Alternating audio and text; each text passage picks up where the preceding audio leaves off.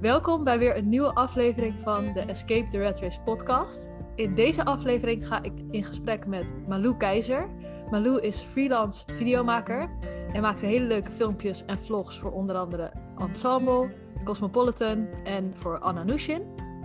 In 2018 kwam ze in een burn-out terecht, doordat ze lange tijd de signalen van haar lichaam negeerde en ja, eigenlijk ook haar gevoel best wel wegdrukte. En tijdens haar burn-out ontdekte Malou minimalisme. En dat bracht haar hele mooie dingen. En daar gaan we het dus vandaag ook onder andere over hebben. Malou, superleuk dat je te gast bent in deze podcast. ja, vind ik ook. Ik vind het heel leuk dat je me gevraagd hebt. Ja, ik eh, heb jouw reis een beetje gevolgd op Instagram over de burn-out, dat je daar een beetje over begon te delen. En ook dus dat je minimalisme, nou ja, misschien niet echt ontdekte, maar ja, dat je daar ook iets mee ging doen. En ik vond het echt super tof. Dus toen dacht ik, nou, ik wil heel graag met jou hier een podcast over opnemen. Ja, ik vind het wel heel spannend hoor. Want dan denk ik, oh, ik hoop dat ik wel wat dat mensen zich erin herkennen. Of misschien wat voor opsteek. Dus, eh, nou ja, we gaan het zien. Komt helemaal goed. Hey, kan jij, eh, ik heb je natuurlijk al eventjes kort geïntroduceerd, maar kan je misschien Mhm. iets meer over jezelf vertellen? Ik ben dus Malou. Eh, ik woon in Almere. Altijd, eh, dat zeg ik ook altijd even erbij. Eh, mensen hebben altijd een mening over Almere, maar Almere rocks. Nee, ik kom uit Almere en ehm, ik ben afgestudeerd aan de HKU. Dus ik ben eigenlijk officieel regie-documentairemaker. Maar ik kwam zo via via terecht bij Ensemble. En nou, toen ben ik daar video's gaan maken. En ehm, ben er nu freelance videomaker. En ik woon met mijn vriend samen. En ja, ik eh, was verslaafd aan het kopen van kleren. Het klonk heel serieus opeens toen je zei, en ik ben verslaafd aan. Ik dacht, oh, wat komt er? Ik ben Malou Keizer. Ik heb een probleem. Ja. Nee, nee, nee. Ja, nee ik, ik zeg het nu echt in de context van deze podcast. Want het is natuurlijk ook wel wat genuanceerd. Ik ben niet echt een koopverslaafde. Maar ehm, Kan je wat meer vertellen over hoe je leven eruit zag voordat je in een burn-out terecht kwam? Ja, ik merkte al wel. En ik zat door deze podcast ook. Zat ik heel erg na te denken van. Goh, waar is dat eigenlijk een beetje begonnen? En ik, mer ik denk dat op een gegeven moment op de middelbare school. Dus echt dat bepaalde dingen zoals je examens halen en zo. Dat toen wel een soort van faalangst en een beetje prestatiedruk eh, ervaarde. Ik denk dat heel veel mensen van die leeftijd dat ook wel ervaarden. Maar ja, ik werd echt, echt best wel bang om. ehm, ja, wat ik net al zei. Ik werd gewoon bang om te falen. Ik was gewoon bang om te falen. En, ehm, dus, en dat werd steeds erger. En waar, En, merkte, je- waar merkte je dat dan bijvoorbeeld aan? Mm, nou, dat ik dingen niet meer heel leuk vond. En dat ik sommige dingen ook gewoon ging skippen. Dat ik gewoon bang was dat ik het niet kon doen. Dus eh, eerst vond ik dansen gewoon heel leuk. En toen werd het opeens een, een ja, van oh, ik moet wel in een hoger niveau gaan. Een hogere klas. Ik moet wel, of eh, nou kan ik misschien maar beter niet meer doen of zo. Dus daarin herkende ik dat ik die angst een beetje begon te ontwikkelen. En wat heel grappig was, is dat iedereen op mijn school ook echt zoiets had van, ah, die Malou, die doet alles en die is super zeker van zichzelf. En, eh, eh, maar ik was echt mega onzeker, mega. Eh, en wilde echt alles doen, alles wat ik wilde doen, of alles wat ik ging doen, dat wilde ik ook echt mega goed doen. En als ik dat dan het gevoel had dat ik dat niet kon, dan stopte ik daar meteen mee. Dus het werd meer, niet meer, ik ging dingen niet meer doen omdat ik ze leuk vond, maar ik ging dingen doen ehm, vanuit een prestatie. Snap je wat ik bedoel? Ja, ja heel goed. Ja, ik heb, ik heb Ja. het zelf namelijk ook best wel. Ik herken het heel erg. Zo zonde, hè? Ja, En ehm, hoe ben je toen uiteindelijk eh, in een burn-out terechtgekomen? Want je was aan het werk Ja. al. Je was wel al aan het werk inmiddels. ja ik eh, werkte bij Ensemble. Ehm, en daar werkte ik drie jaar voordat ik burn-out verschijnselen kreeg. Ja, voor degenen die trouwens niet weten wat Wat ensemble is. Ensemble is. Ja. Eh, ensemble is een online lifestyle magazine. Eh, dat is opgericht door Anna. En, en ze zochten een eh, videomaker voor een YouTube-kanaal. Want dat was toen een beetje aan het, aan het upcoming. Toen was YouTube nog upcoming, jongens. Niet TikTok, maar YouTube. En ze zochten een video-editor. En ja, zo ben ik eigenlijk ingerold. En eh, ik maakte formats. En ik eh, bedacht ze. En ik eh, en ging ze editen. Ja, Dus, waren eh, hele, hele leuke, grappige filmpjes. Ja, ja. Ja, ik ga ook een, eh, Ehm. ik ga een linkje van. Dan moet jij maar even naar mij sturen wat een van je leukste video's is. Ga ik het even in Ja. een linkje zetten. Want dan kunnen Ja. mensen even zien wat je hebt gemaakt. Dus je En, werk was heel leuk. Ja. Maar toch kwam je dan in een burn-out terecht. Hoe, hoe kan dat? Vaak, vaak denken mensen van, nou ja, als je het naar je zin hebt, als je het leuk hebt, dan kan dat toch niet gebeuren, zou je denken? Dat dacht ik ook. ik vond mijn werk vet leuk. Ik ging elke dag met plezier naar mijn werk. Ja, mijn werk was gewoon top. Eh, ik vond het leuk. Het enige nadeel was dat ik wel de enige was die kon doen wat ik kon doen.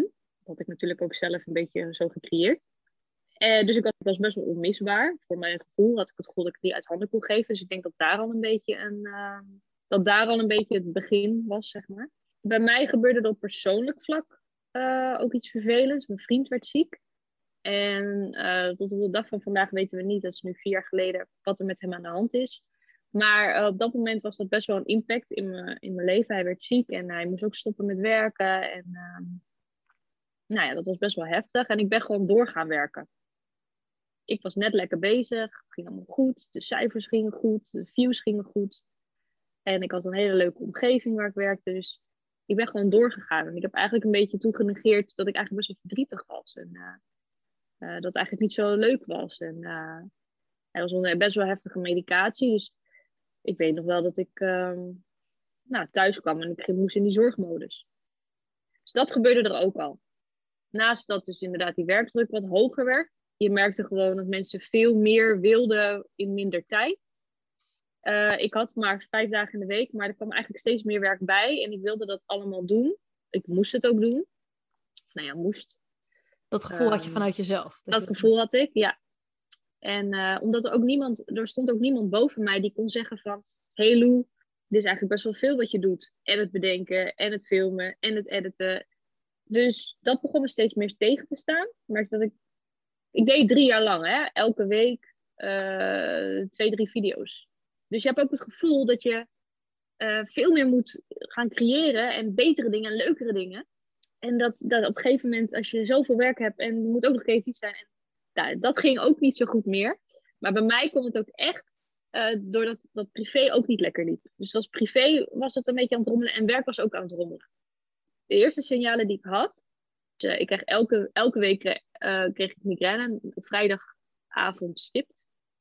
Dus moest ik het weekend van bijkomen. Maar ja, ik had wel vaker migraine. Ik had zoiets als zo'n periode, gaat wel voorbij. Maar toen ik merkte dat het niet goed met me ging, dat is wel hila- nou, niet hilarisch, maar achteraf, ik stond elk kwartier bij het koffiezetapparaat. Oh, Want ik had geen focus meer. En nu achteraf dacht ik, oh ja, na twee jaar was mijn focus ook wat ik dacht van, oh, ik moet wel elke twee uur wel even iets anders gaan doen, want het werkt niet. Toen werd het één uur, toen werd het een half uur, toen werd het een kwartier. Dat ik gewoon niet meer kon focussen. Had je dat toen wel door? Of, want nu, achteraf kan je dat niet heel makkelijk zien. Nee, ik dacht gewoon van, jezus. Nou ja, het zou wel liggen aan mijn creativiteit, of het zou wel liggen aan, eh, nou, ik begon gewoon op andere dingen, het gaat er wel weer over of zo. Nou, en toen, eh, nou, elke keer bij dat koffiezetapparaat stond ik er weer. Zo fan was ik niet van koffie, per se. Maar ehm, en als ik achter mijn computer zat, voelde ik een huilbui opkomen. Ik dacht, gaan we weer? En dan ging ik even naar de wc, ging ik even huilen. En dan kwam ik weer terug. Hallo, ben ik weer. En niemand wist dan... Ja, Nee. en niemand wist dat dan. Nee. Nee. Ik denk dat ook een dit... beetje stom. Ik, ja, dat snap ik. Ja, ik, ik, heb dit ook, onzin. ik heb dit ook gehad. Ik denk dat zoveel meer mensen dit hebben dan we denken. Ja? Ik- ja. Maar je denkt dit er niet. Maar je bent, ja, je denkt er niet bij. Ja, vertel, vertel. Nou ja, gewoon dat, dat ik... Ik ben best wel gevoelig voor stress. Ik ben gevoelig voor alles. Mhm. Ik ben hooggevoelig. Maar ik ben heel gevoelig voor stress. En Mhm. ik had dus ook heel erg altijd het gevoel van... Ik moet alles doen. Alles wat mensen aan me vragen, dat moet ik doen. Ik kan eigenlijk niet Ja. zeggen van... Nee, ik heb er geen tijd voor. want Ik moet het gewoon doen. Ja, en je wil En, het eh, ook doen. Ja, Dat is je het. wil ook- het. je wil Ja. ook gewoon goed je werk doen. En dan had ik ook Ja. wel eens dat één iemand iets aan mij vroeg en dat ik dan ook mo- moest huilen. En toen dacht ik, oh, ik kan nu echt niet gaan huilen, om, want dit slaat nergens op, weet je wel. Eén iemand Nee. vraagt iets aan me, dan kan ik toch niet gaan zitten janken. Ja. Dan ging ik ook naar de wc en dan daar ook huilen en daarna dan zo'n beetje mijn tranen drogen. Nou, en dan heb, ik dat tegen niemand gezegd. Ja, en voor mij was het ook gewoon op dat moment een soort van. Ja, onhandig. Ja, Ik ben aan het werk. Dat is onzin. onhandig. En, ja, eh, ook. ja, onhandig. En ik zie mezelf, en dat is wel mooi, want je ziet, ik, ik heb best wel een, een perfect plaatje voor mezelf. Iemand die lekker kan werken, lekker bezig is, altijd creatief, andere mensen kan inspireren, altijd er is voor een lolletje, lekker kan knallen. Dat, dat beeld had ik. Terwijl alles om me heen eigenlijk een soort van inzakte. Mijn privé ging helemaal kut. Uh, het werk werd steeds meer. En ja, ondanks dat alles om me heen gewoon afbrokkelde, toch die, die positieve Malou blijven. Nou, dat lukte gewoon niet. Alles aan mijn lichaam was, was gewoon op. En, um, nou, en toen begon ik ook, uh, kon ik echt niet meer slapen. Toen was ik echt alleen maar een soort van adrenaline. En toen kwam er een punt dat ik uh, op werk was en ik naar mijn beeldscherm staarde en dacht, ik weet niet meer hoe ik uh, een beeld moet importeren. Ik deed dit werk al drie jaar, elke dag. En Adobe Premiere Pro, mijn editprogramma, is echt zeg maar mijn tweede huis. Ik weet er alles van. Ik kon geen beeld meer importeren. En toen zei ik dat tegen mijn ouders en toen zei mijn moeder, well, dit is niet goed. En uh, toen is mijn moeder met mij naar de huisarts gegaan. Grappig is, is dat ik dat heb uitgesteld. Ik heb gezegd, deze week kan echt niet hoor. Want ik heb het echt druk. We hebben een campagne. Dus ik heb dat uitgesteld op het moment dat ik dacht van, nou, als de huisarts nu... Want ik wist wel van, dit is niet goed. En ik wist wel dat ik, dat ik moest stoppen. Dus je dacht, maar nu komt het even nog niet goed uit. Maar nu komt het even niet uit. Ja, dat, dat is het uh, hilarische. En, uh, dus ik heb het uitgesteld. En toen zei de dokter ook van, meteen stoppen. En uh, toen ben ik nog wel naar werk gegaan. Toen heb ik het tegen mijn baas toen gezegd. Dat was Jasmin toen die zei ook met, meteen naar huis gaan. En uh, toen heb ik nog wel een video afgeëdit. maar ik moest ook nog maar een heel klein stukje. En uh, uh, dat heb ik nog soort van uit een, uit een soort van adrenaline iets kunnen, kunnen doen. Vraag me niet wel, hoe. En toen ben ik naar huis gegaan en toen, toen stortte alles in. Ja, ik denk dat dat laatste misschien echt nog een beetje zo overlevingsstandje. En als je dan eenmaal soort van toe hebt gegeven of van, of iemand heeft tegen jou gezegd, dat dan op, ik heb dit al vaker gehoord, ja. Mm Wat gebeurde er toen? Ja, toen uh, ging, ging, de kraan open. En toen was het alleen maar jenken, jenken, jenken, jenken. Om alles. De vaatwasser was niet uitgeruimd. Wat een ellende. Huilen. Ik moet douchen. Huilen. Nou, huilen om alles. En ik had wel bedacht van oké, ik heb gewoon drie weken nodig om even bij te slapen, om even te ontstressen en dan kan ik wel weer. Nou, en hoe meer tijd ik dus vrij had, hoe slechter het ging. Toen dacht ik, dit is niet goed.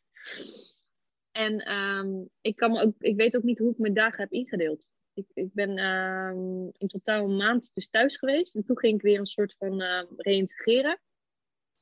Dus ik, en dat was één keer per week een koffietje doen bij, op werk.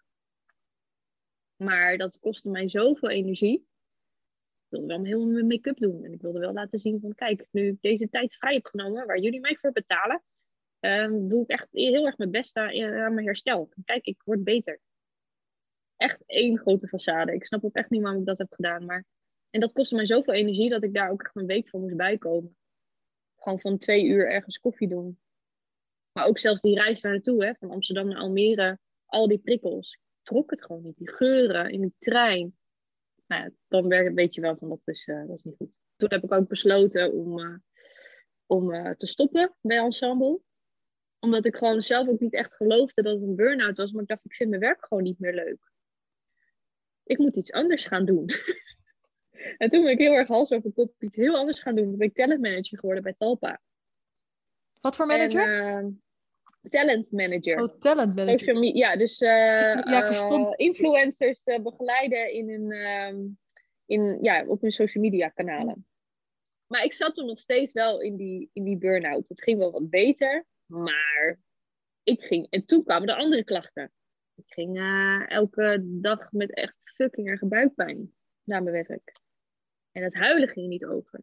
Ja, ik kan me heel goed voorstellen. Dan denk je van, oh, het komt wel weer goed. Of het is alleen even nu. Hoe ging je daar wat dacht je, Hoe dacht je daarover na dat dat deed het gebeurde? Ja, I don't know. Ik, ik had zoiets van, dit is toch gezeik. Ik ben, een, ja, ik ben gewoon echt een eeuwige optimist. Ik ben altijd heel vrolijk en ik sta altijd heel positief. Ik stond altijd heel positief in het leven en nu was alles ellende.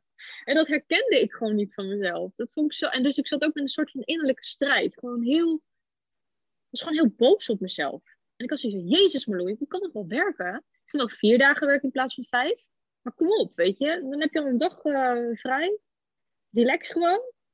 Nou ja, dan wist ik ook niet hoe ik moest relaxen. En toen kreeg ik ook allemaal andere hele vage klachten. dat, uh, dat wordt zo heftig. Maar ehm, nadat ik dus ook gestopt was bij Ensemble, kreeg ik, kreeg ik ehm, een soort blaasontsteking. Nou, drie weken was dat wel weer overgegaan. Nou, Toen ik dus als talentmanager werkte, kreeg ik dat weer. Na ongeveer zes maanden. Maar dat was nog veel erger en, het, oh. en niks hielp ook. En dat is op de dag van vandaag nog niet weggegaan. Oh, wow, heftig. Ja, het is een soort van chronische bekkenpijn. Maar er zijn dus bepaalde zenuwen. En die is gewoon overprikkeld geraakt. Door waarschijnlijk door al mijn stress. Dus ik heb zoveel stress vastgehouden. Nou ja, en toen... Het werd steeds erger en erger en erger. En ook mentaal ging het helemaal niet goed. En toen ben ik echt in een dikke... Nou ja, wat het is, een burn-out, overspannenheid. Ehm, het ging echt niet goed met mij. Ik vind het nog steeds lastig om dat te definiëren. Voor mij was het even een combinatie met dat het mentaal gewoon niet goed ging. Dat ik die burn-out van twee jaar geleden gewoon niet goed heb uitgeziekt. Dat ik dat niet serieus heb genomen. Dat ik inderdaad niet luisterde naar mijn lichamelijke klachten.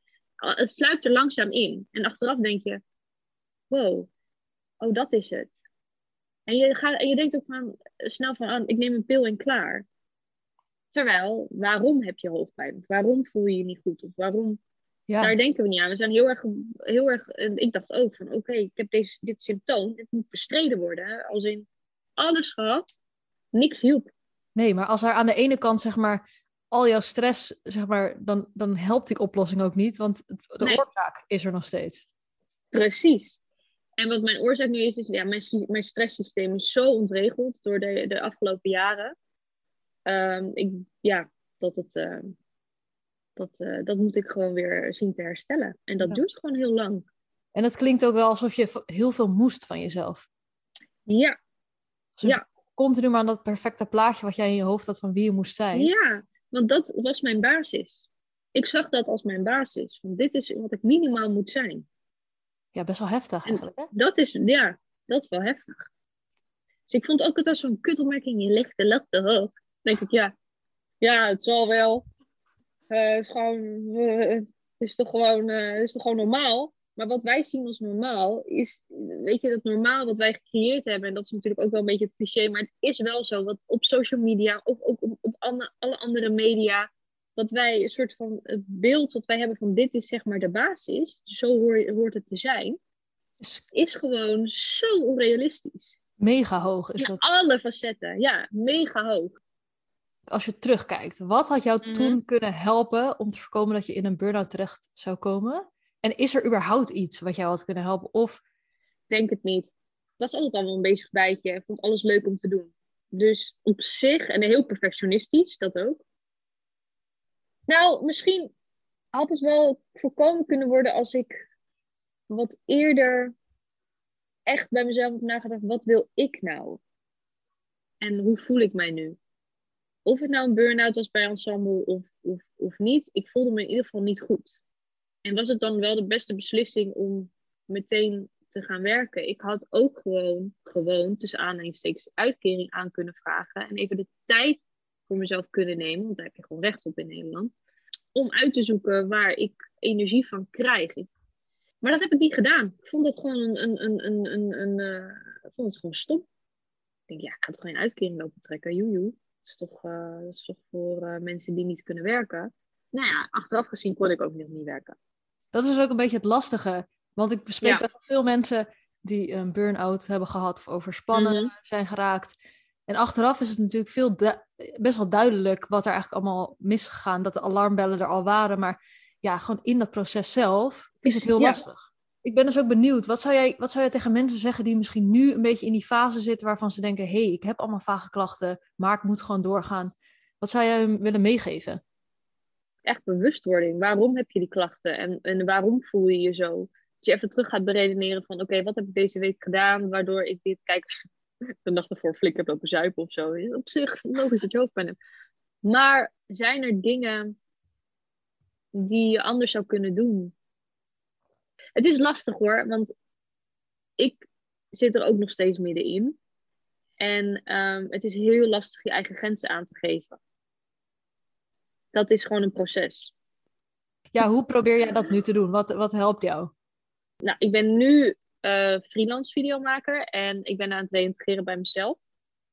Dat klinkt uh, heel grappig. Maar je werkt natuurlijk voor jezelf, daarom ben je aan het reïntegreren bij jezelf. Ik ben aan het re reïntegreren bij mezelf. Vrijdag een, uh, een shoot.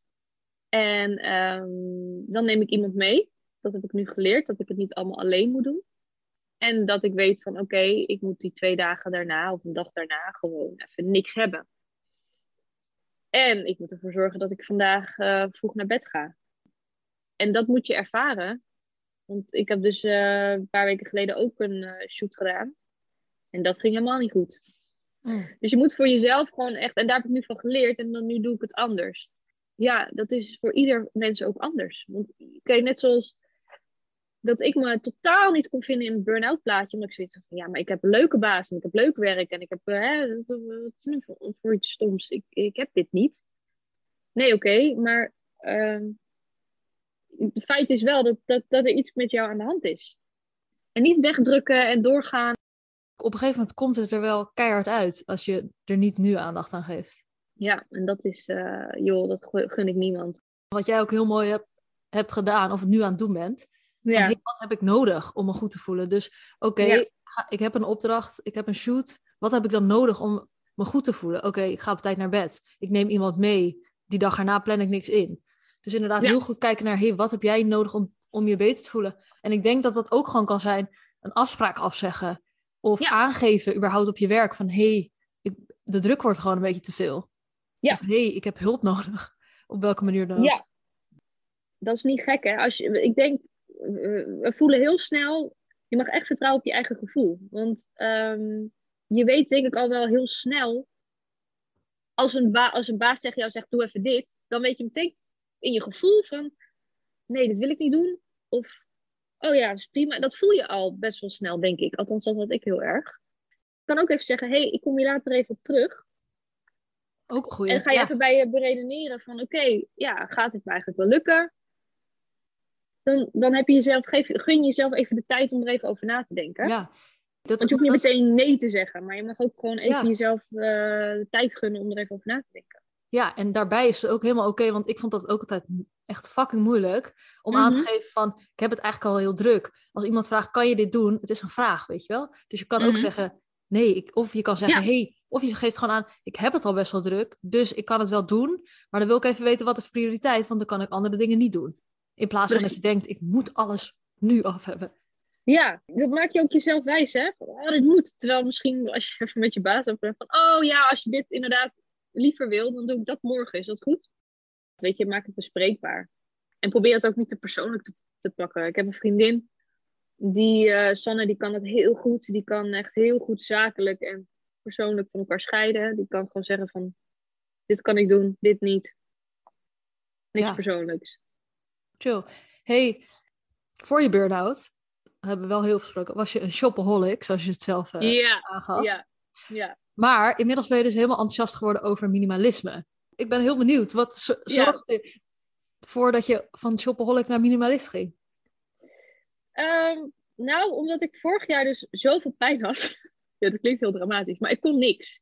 Ik kon niet, ik kon niet, niet lang lopen. Ik kon eigenlijk gewoon heel vrij, ja, ik kon heel weinig. En mijn brein was één grote chaos.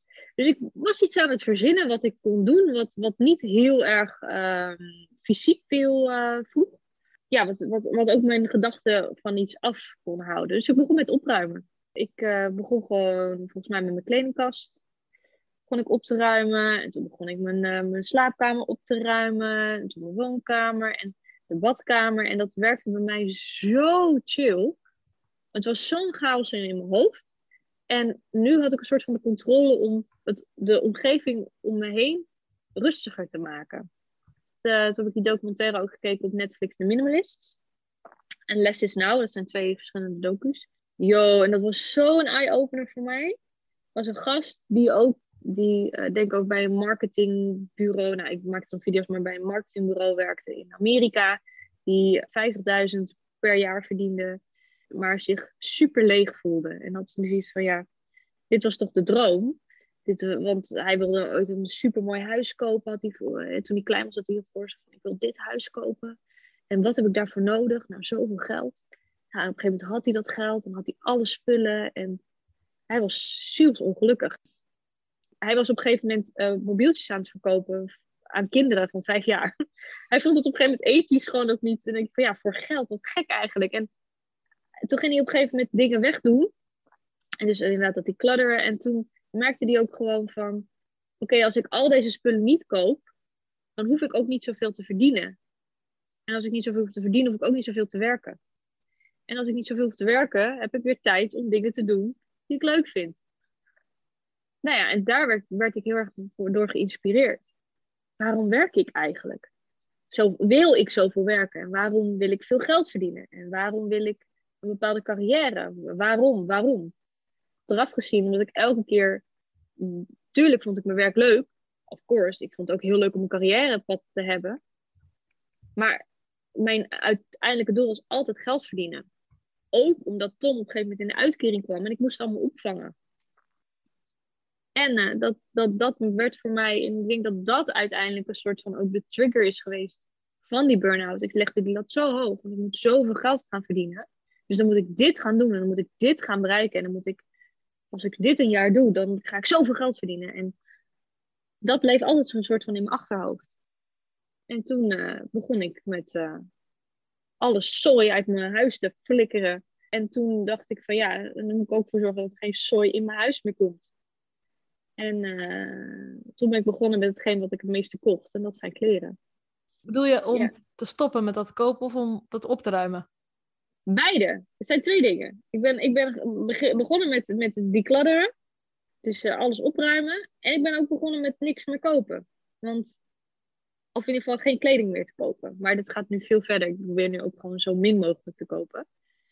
Want alle spullen in je huis, of het nou leuk is of niet, dat eist gewoon je aandacht op. Dat moet je verzorgen of dat, dat, dat kan kapot gaan. Dus als je die zorgen ook allemaal niet meer hebt, dan, dan, dan voel je je een stuk lichter en vrijer. En daarom is het boek Dennis, van Dennis Storm, Weg ermee, ook echt een mega aanrader. Ja, die is heel tof ja, eh, heb je die gelezen? Ja, en toevallig wilde ik hem laatst weer even lezen, omdat ik uh, ook door deze podcast met jou dacht ik weer, oh ja, ik wil ook weer wat meer gaan opruimen. Maar ik had het boek dus, ik was aan het opruimen en ik had dat boek gelezen. Toen dacht ik, ja, dit boek heb ik al gelezen, dus dat kan weer naar de volgende. Dus ik heb het boek uh, verkocht of weggegeven. Dus nu dacht ik, oh shit, ik wilde hem eigenlijk nog wel een keer lezen. Maar goed, ja. Geen probleem. Ja, ik heb nog het luisterboek. Uh, ik heb Storytels. Echt een mega oh, aanrader ook voor mensen die, een, die uh, waarvan het brein nog niet zo lekker werkt. Het lezen was, is voor mij best wel intensief. Merkte ik. Dus een luisterboek en dan werkt het dan beter. Chill. En minder spullen. En minder spullen. Ja, het is, een, het is een heel goed boek. Als je wil beginnen met minimalisme, dan moet je gewoon naar moet je, moet je Dennis Storm weg ermee lezen of luisteren. Want uh, hij is uh, begonnen met zijn uh, minimalisme pad, omdat hij, die, hij deed drie op reis en hij zat altijd in hotels. Dus twee jaar lang of zo heeft hij in hotels gezeten. En hij merkte dat eigenlijk in een hotel dat je dan de essentiële spullen om je heen hebt. Je hebt een bed, je hebt een badkamer, je hebt een ja, mini koelkastje en that's it. Dus het dwingt je eigenlijk om naar buiten te gaan en dingen te ontdekken. En, en ehm, dat vond ik ook wel heel interessant. Hij was in ieder geval zich bewust van het feit dat hij eigenlijk heel weinig nodig had. Ja, het is vet interessant, want je hebt dus enerzijds, wat jij net ook al zei, je hebt heel veel spullen waar, je aandacht naartoe gaat, dus je tijd en energie gaat naar spullen opruimen. Ja. en anderzijds ben je dus aan het werk om nog meer spullen te kopen, die nog meer van je tijd opnemen. Nou ja, dat is dus het hele, de hele consumptiemaatschappij waar wij nu in leven. En um, een consumptiemaatschappij is dan een samenleving waarin tijd overwegend wordt gebruikt om goederen uh, te kopen, maar ook om erover na te denken. Van, oh, wat wil ik uh, in, mijn, in mijn woonkamer voor bank? Weet je, we zijn continu bezig met, met, met consumeren. En um, ook om met die aangeschafte goederen dan ook een soort van te gaan pronken. Kijk, het is zo'n soort van. Alle spullen wat je hebt, maakt op een gegeven moment uit voor wat voor identiteit je hebt of zo. Dat is een beetje wat, waar, waarin wij nu leven. Snap je dan wat ik bedoel? Ja, een mooi huis en mooi, mooie spullen. Dat, dat, oh, die heeft het voor elkaar. En die is een uh, ambitieus iemand. En die is. Terwijl dat, dat, dat de, de dingen die belangrijk zijn in het leven, zoals gezondheid, wat ik nu echt, halleluja, dat is echt het allerbelangrijkste, en liefde, is gewoon totaal niet meer de focus. Nu, merk ik. Het is echt heel erg, en gelukkig komt het nu wat meer, hè? Uh, zelfliefde en zelfontplooiing en inderdaad het minimalisme. En, uh, dat mensen wel steeds meer teruggaan naar de kern van, ja, is dit het nou? Maar je merkt wel gewoon, je wordt nog steeds doodgegooid met allemaal dingen die je nodig zou moeten hebben. Want dan ben je, uh, een, ja, heb je het voor elkaar. Dan, ja. dan, dan ben je stylish of dan maar, ja, heb je goede smaak. Maar gewoon met überhaupt, ik, zeg maar, wij hebben best wel een grote tv in de woonkamer. Als ik niet had mhm. samengewoond met mijn vriend, hadden we die tv niet, had ik geen tv gehad. Maar het is niet, mhm. ik kijk wel Netflix, gewoon op mijn laptop en zo, maar gewoon tv op zich. Ik word dus helemaal gek van reclames bijvoorbeeld. En nu ben ik daar wel ook op aan het letten. Nou, op het letten, ik kan gewoon er niet meer omheen nu ik me hier bewust van ben. Alles wat mhm. er in die reclames, koop dit, koop dit, koop dit. Want dan word je, kijk, ze zeggen niet letterlijk, dan wordt je leven beter, maar het komt er wel op neer. Ja, van, van een kind af aan hebben wij dit al meegekregen. Dus het is niet zo raar dat wij dat ook, weet je, uh, als kind, uh, als we dan Fox Kids keken of zo, en het was dan rond decembertijd, werd je ook doodgegooid met alle speelgoedadvertenties of uh, speelgoedreclames. Nu is dat ook natuurlijk met, als je gewoon op Insta kijkt, social media, zie je gewoon mensen die alweer een nieuw outfit hebben gekocht. En ze hebben een nieuw huis gekocht en dan weet ik veel, dan denk je allemaal, ja, dat, toch diep van binnen, nou niet heel helemaal diep van binnen niet, maar er zit een soort laag waardoor we het gevoel hebben dat we dat ook allemaal nodig hebben en dat we dat ook allemaal willen. Ja, want dat is het plaatje. Dat is het perfecte plaatje. En als ik daar nu ook heel lang over ga nadenken, dan word ik nog steeds meer verdrietiger. Want uh, bijvoorbeeld, ja, ik zie gewoon een, man, een vrouw, in mijn geval dan, ik kan ook natuurlijk twee mannen zijn, twee vrouwen, of uh, met z'n drieën, maar do your thing. Dat, dat, ja, van de twee werkende, hè, dat, de twee werkende volwassenen die een mooi huis hebben, uh, mooie reizen maken ook nog natuurlijk. Uh, en er mooi uitzien, mooie kleding hebben. En uiteindelijk gaan voor een gezinnetje en een leuke hond hebben. En uh, nou ja, dat perfecte plaatje. Als ik daar nu aan denk, dan denk ik, daar ben ik zo ver van verwijderd. Um, mijn vriend is nu ziek en die zit in uitkering. Ik ben ziek, ik zit in uitkering. Ja, totaal geen vooruitzicht op het kopen van een huis. Ook niet geld om nu een grote reis of iets te maken. Dus dat, dat maakt je dan heel verdrietig. Terwijl als je kijkt van wat heb ik wel. Nou, ik heb, ik heb thank god, een, een dak boven mijn hoofd. Klinkt misschien heel, heel kut en cliché. En dat is ook iets wat misschien ouders dan zo tegen je kunnen zeggen. Dus blij dat je een dak boven je hoofd hebt. Maar als je daar echt over na gaat denken van oké, wat heb ik wel? Echt daarover na gaat denken. Dan, ik kan elke dag boodschappen doen en kiezen wat ik ga eten vanavond. Ik kan elke dag lekker warm douchen. Dat maakt al zo'n verschil. Omdat ook echt zo, dwing jezelf om zo te denken. Dat helpt. En, dat, ook, heeft mij heel erg geholpen. En ook gewoon echt te voelen dat je, ja, gewoon ook daarbij voelen hoe dankbaar je daarvoor kan zijn. Ik dacht, had, ja. dacht hier laatst ook aan van, ja, wat fuck, ik zit te zeuren van ik wil nog meer dingen en ik wil nog meer geld verdienen ook. Ik denk, ja, maar wees even blij gewoon met wat je allemaal in godsnaam hebt. Ja, we leven in Nederland. In Nederland hebben de, in Nederland de meeste mensen het gewoon echt wel goed hebben. Als in... We hebben het zo goed. Omstandigheden, zeg maar. Ja, ja, je hebt natuurlijk nog best wel wat armoede in Nederland, maar dat, dat terzijde van hoe wij het hier hebben, is gewoon wel heel, heel fijn. Want we zijn continu ontevreden over alles, terwijl we eigenlijk in deze tijd rijker zijn dan dat we ooit zijn geweest. Dat komt dus ook in het boek van Dennis Storm uh, voor, van waarom is dat zo? En dat schijnt dus, wij hebben nog gewoon dat instinct van vroeger, dat oerinstinct, van uh, dat we jagen en verzamelen alsof ons leven ervan afhangt.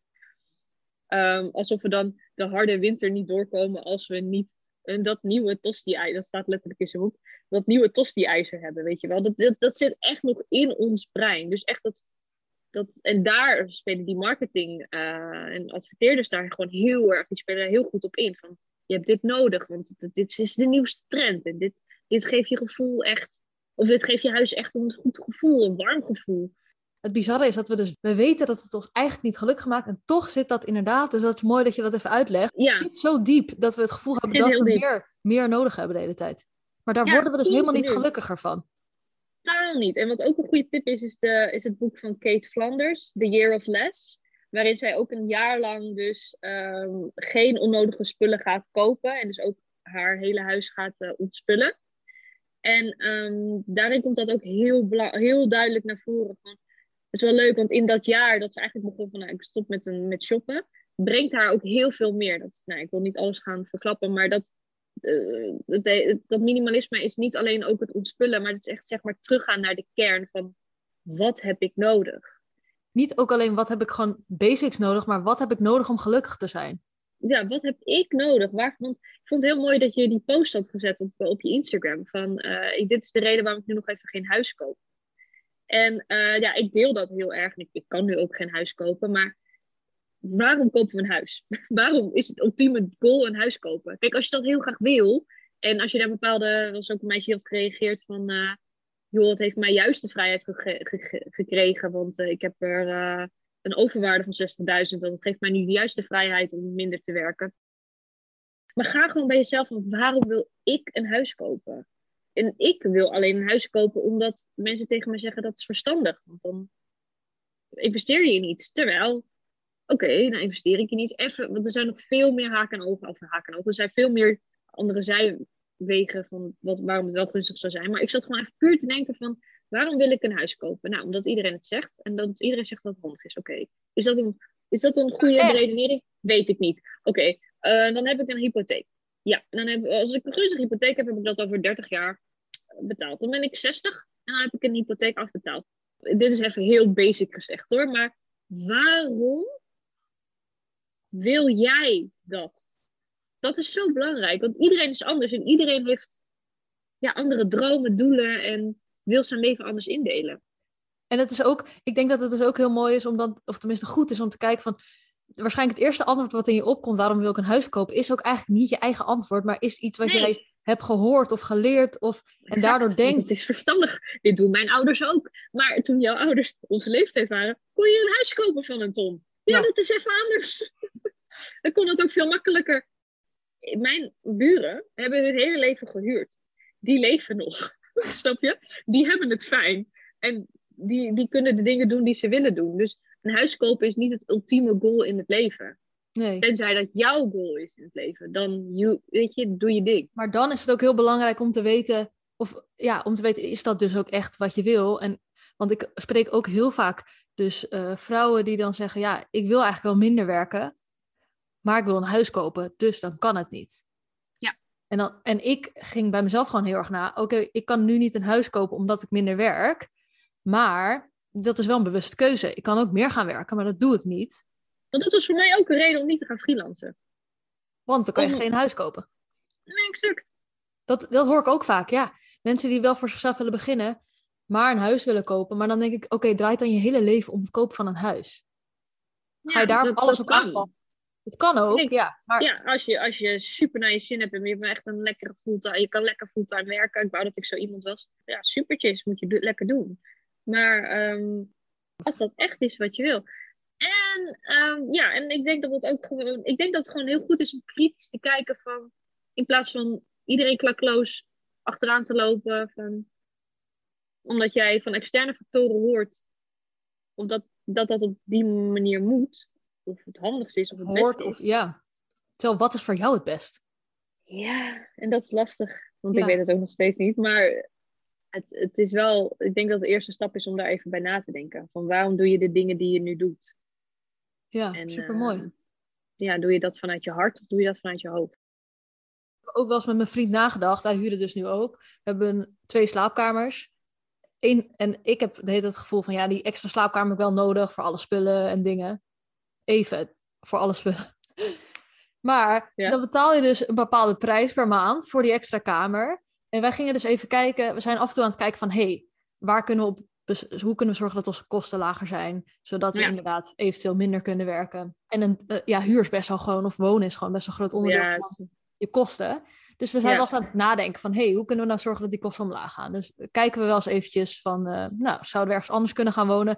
Dan kom ik wel eens iets tegen wat dan één mhm. kamer, één slaapkamer heeft. En één woon, gewoon uh, twee kamers, maar stel ik bedoel, mm -hmm. twee extra kamers. En toen zat ik dus ook van, ja, maar dan heb ik niet ruimte voor al die spullen. En toen dacht ik, ja, maar misschien moet ik dan even naar die spullen gaan kijken. Of ik al die spullen nog in mijn huis wil houden. En het is heel goed dat je dit, dit, deze realisatie hebt. Van, van, als jij dus al die spullen niet hebt. Want weet je hoeveel huur je dus betaalt voor die spullen die je niet gebruikt? En zo, wij, wij zien ook ons huis als een soort van opslag en dat is wel heel grappig, want volgens mij vroeg je dat, had je dat in, die, in je vraag gesteld uh, die je mij had gemaild. Van tips had van bepaalde dingen die je dan nou nog hebt liggen, maar dan ja, niet zo makkelijk op Vinted zet of niet zo makkelijk Ja, aan andere als mensen voorbeeld- geeft. Maar Als je voorbeeld zit wel ik met die spullen. Ja, Ja. ik had bijvoorbeeld, eh, om een voorbeeld, dat je een idee hebt van, hey, op, over wat voor spullen hebben we dan? Kijk, een boek of zo Mhm. of kleding kan je makkelijk op bijvoorbeeld Vinted zetten. Ja. Maar toen dacht ik, ja, ik heb bijvoorbeeld nog van die schilderskwasten. Ja, een soort heel simpel vaasje wat, mm, van die Ikea, wat misschien drie, Mhm. 2, 3 euro waard is. Dan denk ik, ja, wat doe ik met die spullen? Gooi Ja. ze niet weg, zonde. Die spullen, die vinden het dus niet per se zonde als je ze wegdoet. En dat is heel grappig, want wij, wij eh, ehm, hechten een waarde aan, aan spullen. Terwijl spullen zijn spullen. En mijn vriend heeft dat ook heel erg van, oh my god, dat is zo zonde. En daar heb ik zoveel geld voor betaald. Ja, maar het is ook zonde, want al, wat ik net al in het begin al zei, alle spullen eisen je aandacht. En ehm, is dat dan waard om, om jouw aandacht daaraan te besteden? Wat is belangrijker? Maar wat in jouw opzicht zou ik ook. Ik zou gewoon kijken van is er nog iemand in mijn nabije omgeving die dit kan gebruiken? Ehm, ik heb bijvoorbeeld ook heel veel kleding aan mijn buurmeisjes gegeven. Ehm, dus dan als dat voor jou een kring loopt, dan van dat je denkt van oh dat is zonde, geef het dan iemand aan je naaste omgeving. Maar als je echt niet niemand of niks kan bedenken, ja, gooi het gewoon weg. Echt, al is het nieuw, al heb je een tostiijzer gekocht van 200 euro en het dient je niet en je gebruikt het niet, het staat in de weg, doe het weg. Dan heeft het je op dat moment een les geleerd. Maar dan weet je voor de volgende keer, ik moet hier niet zoveel geld aan uit. Ja, En spullen ja. definiëren je niet. Daar heb ik nog een mooie foto van Dennis. Die geeft aan eh, hoe meer je toegeeft aan alle ellendelingen die je laten geloven dat het leven om aanschaffen van materiële nutteloosheid gaat, des te meer vrijheid je onbewust opgeeft. En ik denk dat dat eigenlijk ook wel een beetje de essentie is van het minimalisme. Hoe de vrijheid om de tijd in te delen waar jij blij van wordt en hoe jij dat wil indelen. En we hebben allemaal geld nodig om te leven. Dat is gewoon een feit. Maar je hebt altijd de keuze in hoe je je geld verdient. En als je gezond bent natuurlijk. En waar je je geld aan uitgeeft. En bewust bent van ehm, waarom je dingen doet. Dan, dan heb je die vrijheid ook. Zou wel gewoon heel erg bij jezelf nagaan van ja, waar word ik heel blij van? Ik merkte gewoon dat kleren kopen mij echt geen blijdschap meer gaf. Het werd een soort van obsessie. Van ik moet er leuk uitzien. Ik moet de nieuwste trends en de leukste kleertjes hebben. Want anders hoor ik er niet meer bij. En waar word, jij, waar word jij nu heel blij van? ja, ik word gewoon het meest gelukkig van eh, vrienden hier, pizza eten, wijntje drinken. Of juist gaan wandelen, nieuwe dingen ontdekken, eh, nieuwe dingen leren. Door dat minimalisme ben ik heel veel dingen gaan, gaan lezen en, en leren. En eh, ja, met mijn familie zijn. Dat zijn echt de belangrijkste dingen. Dat, heeft, dat, dat hoeft niet veel geld te kosten. Kleding maakt me nog steeds blij, omdat ik het leuk vind om eh, ermee bezig te zijn. Leuk interieur maakt me ook blij. Maar ik heb gewoon gekeken, ik wilde weer een kastje kopen in mijn interieur. Nee, ik heb gewoon een kastje uit mijn slaapkamer gehaald en ik heb daar wat mee gedaan en ik heb een heel nieuw interieur. Gooi dingen om. Ja, maar dat is ook echt zo. Ehm, Dat is ook echt leuk, want dat merk ik zelf ook. Je kan ook gewoon door, eh, weet ik veel, in je slaapkamer je bed even anders neer te zetten. En misschien kussentjes van de bank op je bed te doen of andersom. Ja, nu ik geen interieurspullen meer koop, ik- ben ik veel leuk, ben ik helemaal bezig met mijn interieur en waar haal ik er veel meer blijdschap uit. Van, oh my god, kijk wat ik heb gedaan. Eh, ik heb dit anders zo neergezet. En ja, het minimalisme is eigenlijk in alle opzichten ehm, teruggaan naar eh, je kern. Dus het begon bij mij met ontspullen, letterlijk omdat ik iets zocht wat, eh, wat ik kon doen vanwege mijn fysieke pijn. Eh, en wat me rust gaf. En dat is nu echt in een soort levensstijl gedraaid. En dat is wel. ehm, En dan in alle opzichten. Dus ook, ook mentaal. Wat, wat zijn dingen die me blijdschap geven en wat ga ik, ga ik gewoon niet meer doen? Ik ga niet meer met heel veel mensen afspreken die me geen blijdschap geven. Ik ga niet meer voor mensen werken eh, die, mij, die mij niet genoeg betalen of waar ik niet blij van word. Dat kost me te veel energie. Doe ik niet. Dus het is in veel meer opzichten is het minimalisme gewoon eh, ja, genieten van de kleine momentjes. Wat je wel hebt. En niet wat je nog moet doen, bereiken, kopen. Het belangrijkste is dat je gezond bent. Dat je kan genieten van, van kleine dingen en eh, eh, tijd spenderen met de mensen die je lief hebt. Ja, heel mooi. eh, Even een samenvatting van, deze, van dit hele gesprek. Echt super tof om jou hierover gesproken te hebben. Echt, ik denk heel veel tips en hopelijk voor veel mensen ook herkenning, maar dat weet ik eigenlijk wel zeker. hey, waar kunnen ze jou, denk, als ze denken, ik vind Malou een toffe chick, ik wil haar volgen? Ehm, dan kan dat op Instagram. En dat is, ehm, ehm, dat is gewoon Malou Keizers, M-A-L-U. K-E lange I-Z-E-R. Daar deelt ze tippies over, Typisch. ja, tippies over Ja, duurzaamheid, minimalisme ja, en en mentale gezondheid. gezondheid. En eh, ik doe ook wel dingen voor Stichting Scherp. Dat is misschien ook wel een mooie om te noemen. Dat is een eh, stichting die mijn eh, vriendin, haar broer en mijn goede vriend zijn begonnen. En eh, ja, die geven ook heel veel tippies op eh, basis van mentale gezondheid. Dan maken we ook videoseries. eh Happy Hunters heet dat. Gaan we op zoek naar geluk. Mooi, leuk, leuk. Yes! Nou, thanks. Graag gedaan! Jij ook bedankt! Dankjewel voor het luisteren en hopelijk tot de volgende aflevering.